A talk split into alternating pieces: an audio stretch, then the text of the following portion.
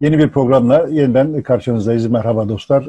Cemalettin Taçı ile birlikte ve koronavirüs sonrası dünyayı anlamaya, aktarmaya, algılamaya çalışıyoruz. Tartışıyoruz daha doğrusu. En son otoriterler üzerine konuşmuştuk. Yetkinin aşağıya devredilip devredilmediği ya da yönetimlerin daha çok otoriterleşip otoriterleşmeyecekleri gibi bir meseleyi. E, ekonomi e, var, eğitim var önümüzde konuşacağımız çok şeyler. Ama bu e, sanki otorite nedir, ne değildir e, gibi kavramlar biraz eksik kaldı gibi.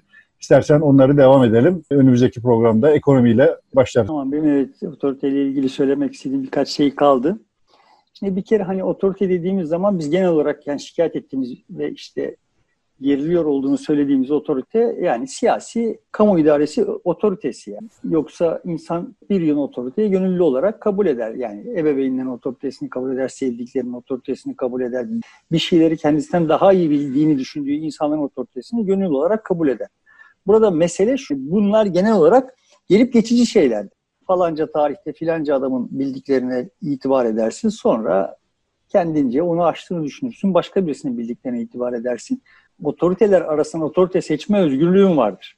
Ama şimdi devlet öyle bir şey değil. Yani devlet sonuçta her kimin eline geçerse geçsin senin bütün toplum olarak kabul etmek zorunda kaldığın otorite. Şimdi ben yine hani bu konuda biraz geçmişe gidip de söyleyeceklerimi söyleyeyim. Geçen sefer bir metafor kullanmıştım. Sahnede bir takım insanlar bir oyun oynuyorlar ve biz seyirciyiz. Bize diyorlar ki siz orada oturun. Beğendiğinizi alkışlayın, beğenmediğinizi yuhalayın. Ve işte bir tarafında bunun bir kamu otoritesi var, öteki tarafında bir kültürel iktidar var. Erdoğan'ın sık sık dile getirdiği bir kültürel iktidar var. kültürel iktidar dediğim şey evet var yani sonuçta Amerika'da da Avrupa'da da bu tür mecralar genel olarak daha sol diyebileceğimiz kesimlerin elinde. Yani sinema endüstrisi de öyle, edebiyat da öyle, televizyon. Aslında bunu da ayrıca bir konuşmak lazım. Neden hep böyle olmuştur? Niye muhafazakar sağ kültür alanında egemen olamadı, hegemon olamadı, üretemedi filan değil. Biz de daha sonraki programlardan birisinde de bunu da ben bu konuda ben bu konuda bildiğimi söyledim yani. istiyorsan deşeriz sonra yine ama ben bu konuda bildiğimi söyledim. Benim açımdan sol bütüncül bir hikaye yazma işini kendisine devrettiğimiz kanat. Yani sağın zaten bütüncül bir hikaye yazma için uygun donanım yok. Öyle bir hevesi yok. Yani o sağın işi bir şeyleri mümkün kılmaktır, yapılmış kılmaktır. Thatcher'ın bir yığın çok dolaşımda olan vecizesi var. Bir tanesi şeydi, politika bir şeylerin yapılmış olmasını sağlamaktır. Şimdi sağın zihniyeti bu yani. Şuraya şu köprünün yapılması, burada işte okulların özelleştirilmesi, burada sağlık sisteminde şu işin şöyle yapılmış olması filan gibi teknik, parçalı, eklektik işleri vardır sağın ve bunların da toplumların da bunlara ihtiyacı olduğunu düşünüyorum. Yani sonuçta sağın ve solun bu şekilde var olmuş olmaları onlarca yıl boyunca var olmuş olmaları çok anlaşılmaz bir şey değil. Bunların hepsine ihtiyacımız var yani. Ama teknik olarak bu işler nasıl yürüyor idi modernleşmiş, kendi kendisine modernleşmiş olan toplumlarda yani işte bir sol iktidar geliyordu. Bütüncül bir hikayeyle bir şeyleri yoluna koyuyordu. Sonra sağ iktidarlar geliyordu peş peşe ve işte o açılmış olan yolda yol alıyorlardı. Tıkandıkları zaman yeniden bir sol iktidar evet. geliyordu. E böyle nöbetleşe bu farklı farklı işleri sırayla yapıyor idiler. Şimdi sıkıntı bu solun üstüne düşeni yapamıyor olmasından kaynaklanıyor büyük ölçüde diye. Sağ yine evet. yapıyor yapacağını. Yani sağ bildiğini yine yapıyor. Ama solun bütüncül hikayesi olmayınca o sağın yaptıkları yıkıcı olabiliyor yani. Yani solda bütüncül hikaye yazmaktan yoruldu. Artık biraz dinleneyim, bir kenara çekileyim düşüncesinden. Benim bu konudaki şeyimi işte oraya bağlayayım yani. Şimdi tablo şöyle gelişti. Aydınlanma dediğim olay dünya sahnesine çıktığı zaman dünyanın neredeyse tamamı otokratlar tarafından yönetiliyor olan imparatorluklar ya da işte devletler hali. Dolayısıyla Derbey, şeyler. Evet, dolayısıyla aydınlanmacıların tutumları şöyle oldu. O iktidarlara akıl enjekte etmek. Yani kendileri, kendi bütüncül hikayelerini o iktidarlara kabul ettirip o iktidarlar marifetiyle işlerin yapılmasını sağlamak. O bütüncül hikayenin hayata geçmesini sağlamak idi. Voltaire'den başlayarak bütün aydınlanma filozoflarının genel tutumlarının bu olduğunu söyleyebiliriz. Sonra bir şeyler oldu ve bu otokrat karakterlerini kendi işte aristokratik köklerinden alanlar tasfiye olunca, burjuvazi onların yerine geçince aydınlanma ile iktidar arasındaki ilişki deforme oldu. aydınlanma iktidara eskisi kadar kolaylıkla nüfuz etme hayalini kaybetti. Eskiden edebiliyor muydu? Kime edebiliyordu? O bilge krallar sahiden birkaç tane bilge kral var yani mesela işte Çarlık Rusyası'nın Deli Petros'u var. Bizim Deli Petro dediğimiz Büyük Petros'u. İşte geçen gün sözünü ettiğim Rusya'nın Frederik'i var. Böyle bilge krallar var. Aydınlanmacıların ruhlarına uygun, içlerine sinebilecek bilge krallar var. Ama bunlar ne kadardılar falan bunların bilançosunu bilmiyorum. Ama iş aristokrasinin çöküşü, burjuvazinin yükselişiyle birlikte eskisi kadar hayal edilebilir bir şey olmadı. Eskiden beceremiyor idiyse bile yani falanca e, muktedire erişemiyor, gücünü yetiremiyor ise bile bir sonrakine güç yetirebileceğini hayal edebilirdi. Ama şimdi o mutlak iktidar, katı iktidar çamurlaştı ve onun bir tarafından tutmak imkansızlaştığı zaman aydınlanma sahnede bir muhalif kanat olarak kaldı. Olarak bir pozisyon aldı. Bu süreçte de bizi, sıradan insanları salona sokan büyük ölçüde, tek başına değilse de büyük ölçüde o aydınlanma oldu. Yani evet orada bir iktidar var ve işte burada da muhalefet var. Bunlar birbirleriyle dövüşüyorlar ama biz de salona girip bizim daha önce yoktu böyle biz sonuçta otokratların keyfi yönetimi altında bize buyurulanları bize bize istenen vergiyi vermek, e, otokratlar savaş ilan ettikleri zaman çocuklarımızı vermek, onların bize açtıkları alan içinde hayatımızı sürdürmek zorundaydık. Otokrat şöyle yapsın, böyle yapsın, şu otokratı tercih ederiz, bunu etmeyiz filan gibi bizim öyle güçlerimiz yoktu yani. Ve bu güçlere sahip olduk. Sonuçta iktidarı alkışlamak veya yuhalamak gibi bir imkana sahip olduk. Bu toplumların güçlenmesidir benim kavramlaştırmalarım. Yani, yani aslında 17. yüzyıl işte 18. yüzyılda bu aydınlanmacı zihniyet Fransız devriminin ortaya koyduğu siyasi e, kurallar ve bir de İngiltere'nin işte sanayi devriminin ekonominin altyapısını oluşturmasıyla aslında toplumlar giderek daha demokratikleşmeye başladı. Daha bir küreselleşmeye başladı. Daha birlikte iş görmeye başladı. Ve otoriter, totaliter neler varsa bunlar azalmaya başlamışlardı. E, Şimdi şimdi de Covid'le bunlar yeniden bir testten geçiyor. Acaba yeniden bir küreselleşmeye doğru mu gideceğiz yoksa içe mi kapanacağız? Otoriterleşmeye doğru mu gideceğiz yoksa yetki ahaliye, insanlara dağılmaya doğru gidecek? Onlar da dahil olacaklar mı? diye galiba yeniden bir kavga içerisinde, yüzleşme içerisindeyiz. Şimdi küreselleşmeyi, otoriterleşmeyi birbirlerinden ay- ayıralım. Küreselleşmeyi daha ekonomik bağlamıyla ele alalım. Otoriterleşme açısından benim açımdan tablo şu. Sonuçta iktidar daha otoriter, daha keyfi, e, gücü daha çok merkezileşmiş bir şekilde kullanmayı ister. Kim iktidar olsa bunu böyle ister. Peki neden bu daha e, merkezileşmiyor filan? Sonuçta toplumlar daha güçlüler ondan. Toplumlar güçlenmişler hem güçlüler yani. hem de birbirleriyle eskiden olmadığı kadar ilişki içerisinde. E, bir yılda sanıyorum bir rakam doğruysa 4,5 milyar insan uçağa biniyor. Evet. Bu iletişimin, hareketin, birbiriyle temasın ne kadar yoğunlaştığını gösteriyor.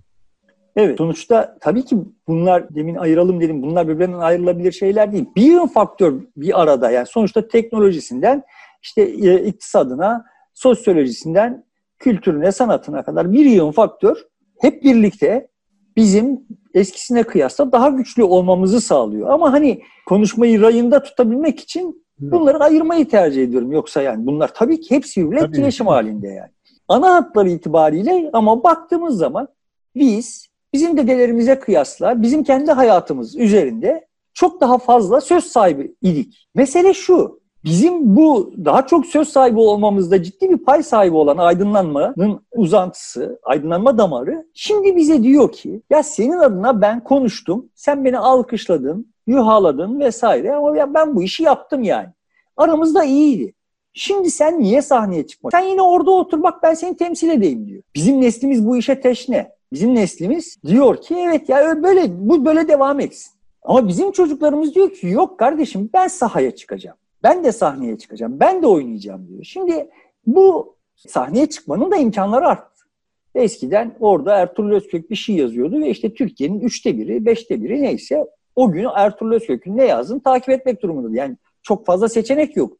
Ama şimdi muhtemelen Ertuğrul Özkök bile öyle ne dediğini çok fazla bilen kimse yok Türkiye'de. Ama bir takım bir yığın Twitter'dan konuşulan şeyleri insanlar biliyorlar. Muhtemelen Ertuğrul Özkök de Twitter'dan ve sosyal medyadan pek çok şeyi izliyor ve takip ediyor. E, evet yani sonuçta şimdi herkes söz sahibi. Şimdi burada da bir takım aksaklıklar çıktı.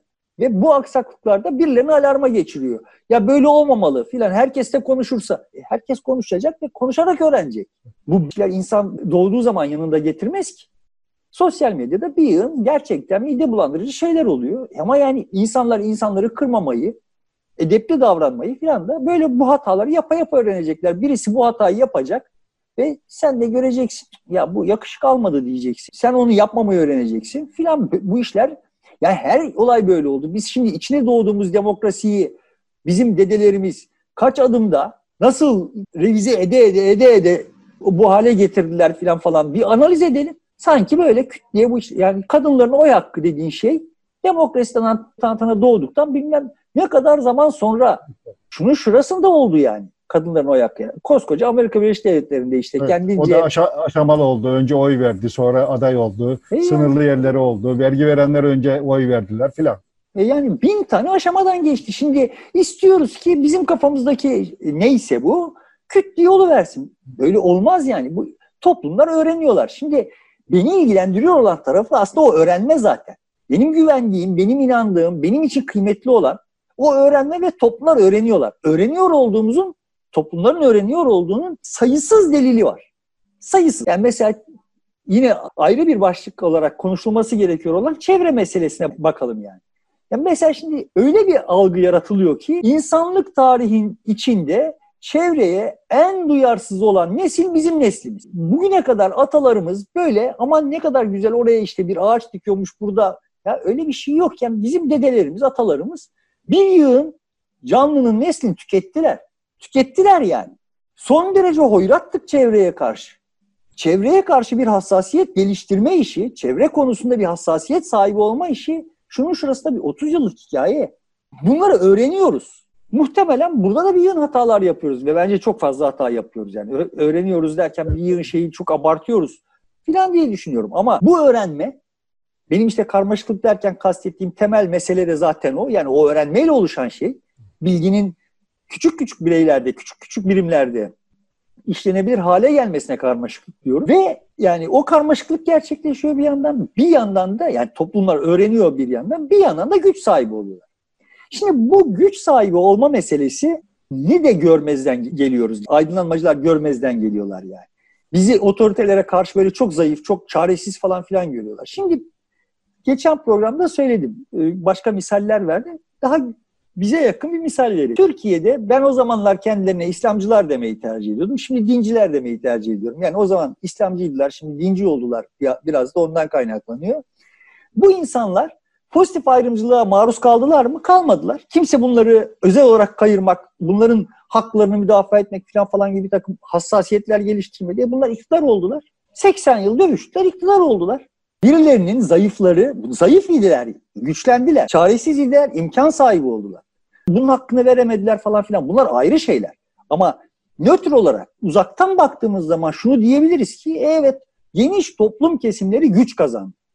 Güçsüz idiler, güç kazandılar. Bu gücü doğru kullanıyor olmamaları vesaire falan bahsi diğer. Sonuçta eğer doğru dürüst liderleri olsaydı, mekanizma doğru dürüst olsaydı daha doğrusu veya doğru dürüst muhalefet olsaydı bu insanlar bu gücü kullanırken daha hızlı öğrenebilirlerdi. Muhtemelen şimdi de öğreniyorlar. O öğrenme görülür bir şey değil. Mesela bunların çocukları bunların yaptıklarını yapmayacaktır. Bunların davrandığı gibi davranmayacaktır yani. Ama mekanizma bozuk olduğu için bu öğrenmenin tezahürlerini göremiyoruz da olabilir. Onu da bilmiyorum yani sonuçta. Bunlar ölçülebilir şeyler değil. Hesabını tarihin göreceği şeyler.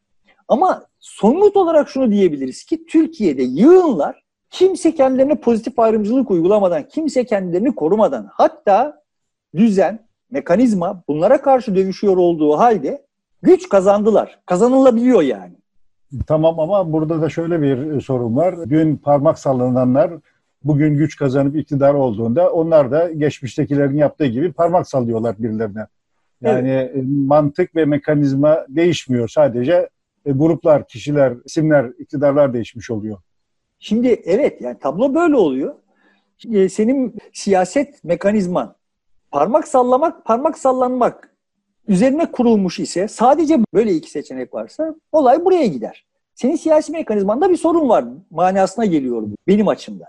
Ama bana sorarsan, şahsen bana sorarsan, toplumun dindar kesimlerinin Kürtlerin, diğer azınlıkların güçsüz olduğu, kalanların onlara parmak salladığı bir düzeni mi tercih edersin? Yoksa bu güçsüz olan kesimlerin de parmak sallayabildiği bir düzeni mi tercih edersin? diye sorarsam ben evet yani kendilerini ne yakın hissetmesem de bu dincilerin de parmak sallama kabiliyetine sahip oldukları bir düzeni tercih ederim. Ama bu da doğru. Fakat hiç kimse birbirine parmak sallamasın. Öyle bir düzen gelsin. E, seçeneği Tabii, yok mu bu yılların içerisinde? Bu öğrenme gerektiriyor. Sorun şu, biz öğrenebiliyor muyuz? Başka toplumlar öğrenebiliyor diye varsayıyorum değil mi? Ve biz öğrenemiyoruz. Neden öğrenemiyoruz? Çünkü bizde zaten öğrenmek üzerine kurulmamış mekanizma.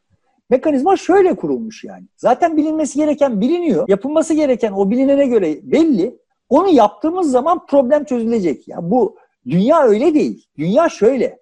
Bunu ben yapıyor isem, pencereyi ben açıyor isem, temiz hava sen açarsan ceryan. Pencereyi açanlardan olmak, olayın bir parçası olmak kıymetli olan şey. Ama bu sonuca çok odaklı bakış açısı nedeniyle aradaki öğrenmeler güme gidiyor. Biz de benim gördüğüm kadarıyla durmadan patinaj yapıp duruyoruz yani toplum olarak patinaj yapıp duruyoruz. Bu ama her şeye rağmen yine de sonuçta bu süreç içinde bu kesimlerde birikmiş olan enerji bir öğrenmeye yol açmış olacağını en azından bir sonraki nesil itibariyle, sonraki nesilleri itibariyle bir öğrenmeye yol açmış olabileceğini, dolayısıyla toplumun hayrına olacağını düşünüyorum. Şimdi sorun şu, peki de yani o öğrenmeyi biz bu kadar sallanmadan küt diye yapıversek işte o mümkün değil. Şimdi bu kadar sallandığımız şart mıdır? Sallanmamız şart mıdır? Değildir. Bence de değildir yani. Yani bu kadar savrulmadan da öğrenebiliriz. Bu bizim mekanizmamızın sakatlığından kaynaklanıyor. Ama hiç sallanmadan, hiç hata yapmadan, sobaya elini değmeden sıcağın ne olduğunu öğrenmesini beklemek toplumun bence çok ham hayal. Bu biraz e, yolda öğrenilecek, düşe kalka öğrenilecek bir süreç. Öğrenme öyle olur ya. Bunu yani böyle kitaplardan okuyup öğrenilen hiçbir şey öğrenme olmadığı görülüyor yani. Hani aydınlanmacılar bize bir şey söylüyorlar da tamam biz bunu kabul ediveriyoruz. Böyle öğrenme de oluyor diye bugüne kadar. Ha işte olmuyor yani. Olmadığını gördük yani. Bir şeyle gözlemle noktalayayım izin verirsem bu hikayeyi öyle bağlayayım. Şimdi az önce Beşiktaş kavşakta karşıdan karşıya geçeceğim. Işık kırmızı yanıyor. Karşıda da bir tane o kavşağın köpeği var. Yaşlı bir köpek. O da bekliyor kırmızı ışıkta. Yolu hafifçe çıkmış ama orada bekliyor yani. Biliyor yani o ne zaman geçmesi gerektiğini biliyor. Ben daha önce bir, birkaç kere şahit oldum yani. Ama şimdi o birazcık yola çıkmış ve bekliyor. Bir yığın insan onun trafiğin altında kalmaması görevini kendisine görev edinmiş. Şşt, şşt diyor oradan motorlu birisi geliyor onu çekmeye çalışıyor. Halbuki o motoru görünce, motorun üstüne geldiğini görünce kaçmak için daha çok yola çıkıyor filan. İnsanların çoğunda şöyle bir şey var. Yani ben düzeltmezsem eğer bu iş böyle bozuk kalacak. Tamam mı? Yani biz bu işi düzeltmek üzere eğitim gördük. Dolayısıyla şimdi bizim bunu düzeltmemiz lazım. Eğer biz düzeltmezsek bu iş bozuk kalacak. Zaten de biz şu anda buna müdahale olamıyoruz. Orada birileri müdahale oluyor. Demek ki bozuk kalıyor. Ya böyle değil. Dünyada işte demin de başka türlü misallerini verdim. Hiç kimse bir takım pozitif ayrımcılıklar gözetmeden, hiç kimse işte tür hedefler koymadan falan filan dünyada bir yıl iş oldu. Bir yıl şeyi başardık insanlık olarak. Ben yapmazsam, benim gözetimim altında olmazsa olmaz kanaatini koruyabilmek için de bu sefer bu aydınlanmanın bugünkü geç uzantıları şöyle yapıyor. Zaten hiçbir şey başaramadık. Zaten de kötüye gidiyoruz. Ya kötüye falan falan gitmiyoruz. Rakamları nereden alırsanız alın. Biz kötüye gitmiyoruz. Yani. Evet. İyiye gidiliyor doğru. Burada bitirelim mi istersen? Evet. Vakit de doldu. Sevgili dostlar burada bitiriyoruz. Önümüzdeki programlarda devam edeceğiz ve neredeyse her güne bir program yapmaya gayret ediyoruz. Görüşmek üzere.